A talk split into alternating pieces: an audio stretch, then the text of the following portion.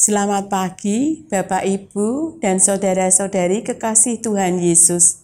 Puji Tuhan, jikalau pagi ini kita kembali boleh bertemu dalam program Hikmat Pagi sebelum kita berkarya dan beraktivitas.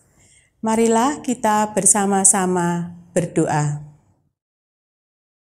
Bapa Surgawi, Bapa yang kami sapa dalam nama Tuhan kami Yesus Kristus, puji syukur dan terima kasih untuk kami boleh melewati malam yang gelap dan pagi ini kembali kami boleh bersama-sama mendengar firman-Mu dari program Hikmat Pagi GKI Karangsaru.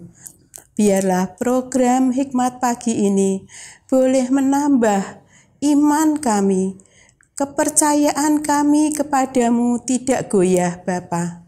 Biarlah Engkau yang pimpin dan sertai kami pada sepanjang hari ini dengan berkat, perlindungan, dan kasih-Mu. Demi nama Tuhan kami Yesus Kristus, kami berdoa dan mengucap syukur. Amin. Bapak Ibu, tema hikmat pagi ini adalah intervensi Allah yang diambil dari Kisah Para Rasul 16 ayatnya yang ke-6. Mereka melintasi tanah Frigia dan tanah Galatia karena Roh Kudus mencegah mereka untuk memberitakan Injil di Asia. Demikian firman Tuhan. Syukur kepada Allah. Selamat pagi Bapak Ibu Saudara yang dikasih Tuhan.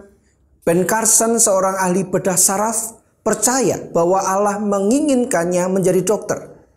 Itu adalah impian yang rasanya tidak mungkin. Ia tinggal di lingkungan kumuh bersama ibunya yang merupakan orang tua tunggal. Nilai-nilai pelajarannya buruk. Namun itu semua karena matanya.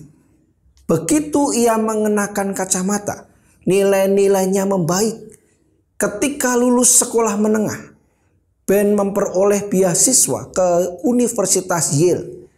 Semester pertamanya di Yale membuatnya sadar. Sehari sebelum ujian akhir kimia, Ben tahu bahwa ia pasti tidak lulus ujian itu.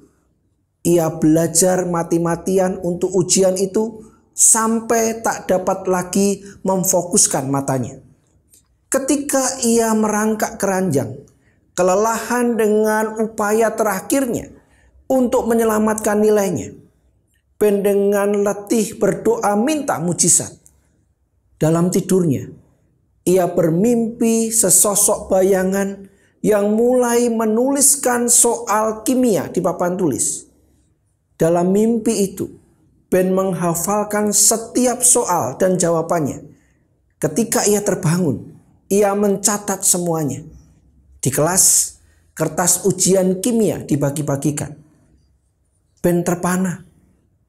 Halaman demi halaman ia menemukan soal-soal yang persis sama dengan apa yang telah dilihatnya dalam mimpinya. Dan tentunya ia tahu semua jawabannya. Bapak ibu saudara yang dikasih Tuhan, setelah lulus dari Yale, Ben Carson meneruskan studinya untuk menjadi seorang ahli bedah saraf yang diakui dunia. Tangan-tangan talentanya telah menyelamatkan nyawa beberapa orang anak, termasuk kembar-kembar Siam yang telah dipisahkannya. Kisah Ben Carson menunjukkan bahwa Allah dapat melakukan intervensi atau campur tangan secara tidak terduga dalam kehidupan orang percaya. Allah melakukannya karena ia mengasihi kita dan karena ia tahu kita tidak akan berhasil tanpanya. Intervensi Allah juga terjadi dalam kehidupan Rasul Paulus dan kawan-kawannya saat melakukan perjalanan misi. Kisah para Rasul pasal 16 ayat 4 sampai 12. Roh Kudus mencegah mereka masuk ke Asia. Sebaliknya mengarahkan mereka ke dataran Eropa ayat 6 sampai 8. Oleh karena ketaatan mereka, maka Injil masuk ke daratan Eropa hingga sampai ke Roma yang pada saat itu adalah pintu gerbang menuju seluruh dunia. Berita Injil semakin tersebar luas. Percayalah Tuhan masih tetap sama hari ini. Dia masih bersedia campur tangan dalam kehidupan setiap kita.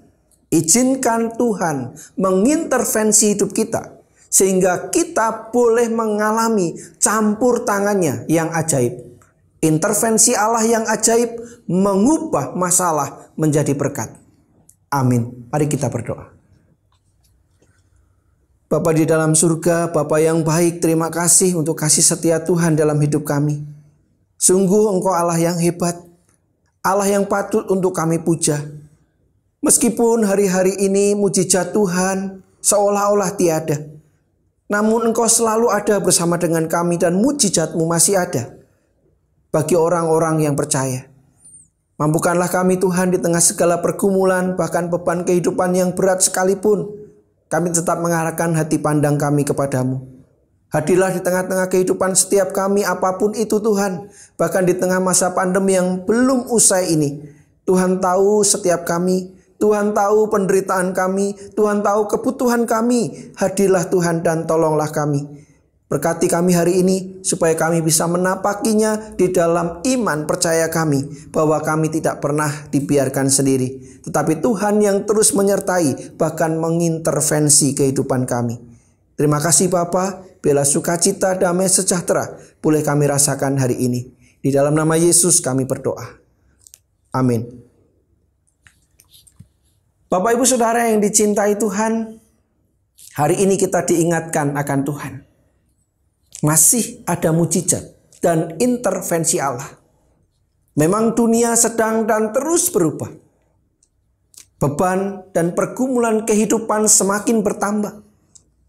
Kadangkala rasanya ingin menyerah. Ayo, segera berbenah dan berubah. Jangan menyerah dan kalah. Ingat, masih ada Allah. Selamat berkarya, Selamat menikmati kasih setia Tuhan. Tuhan memberkati setiap kita.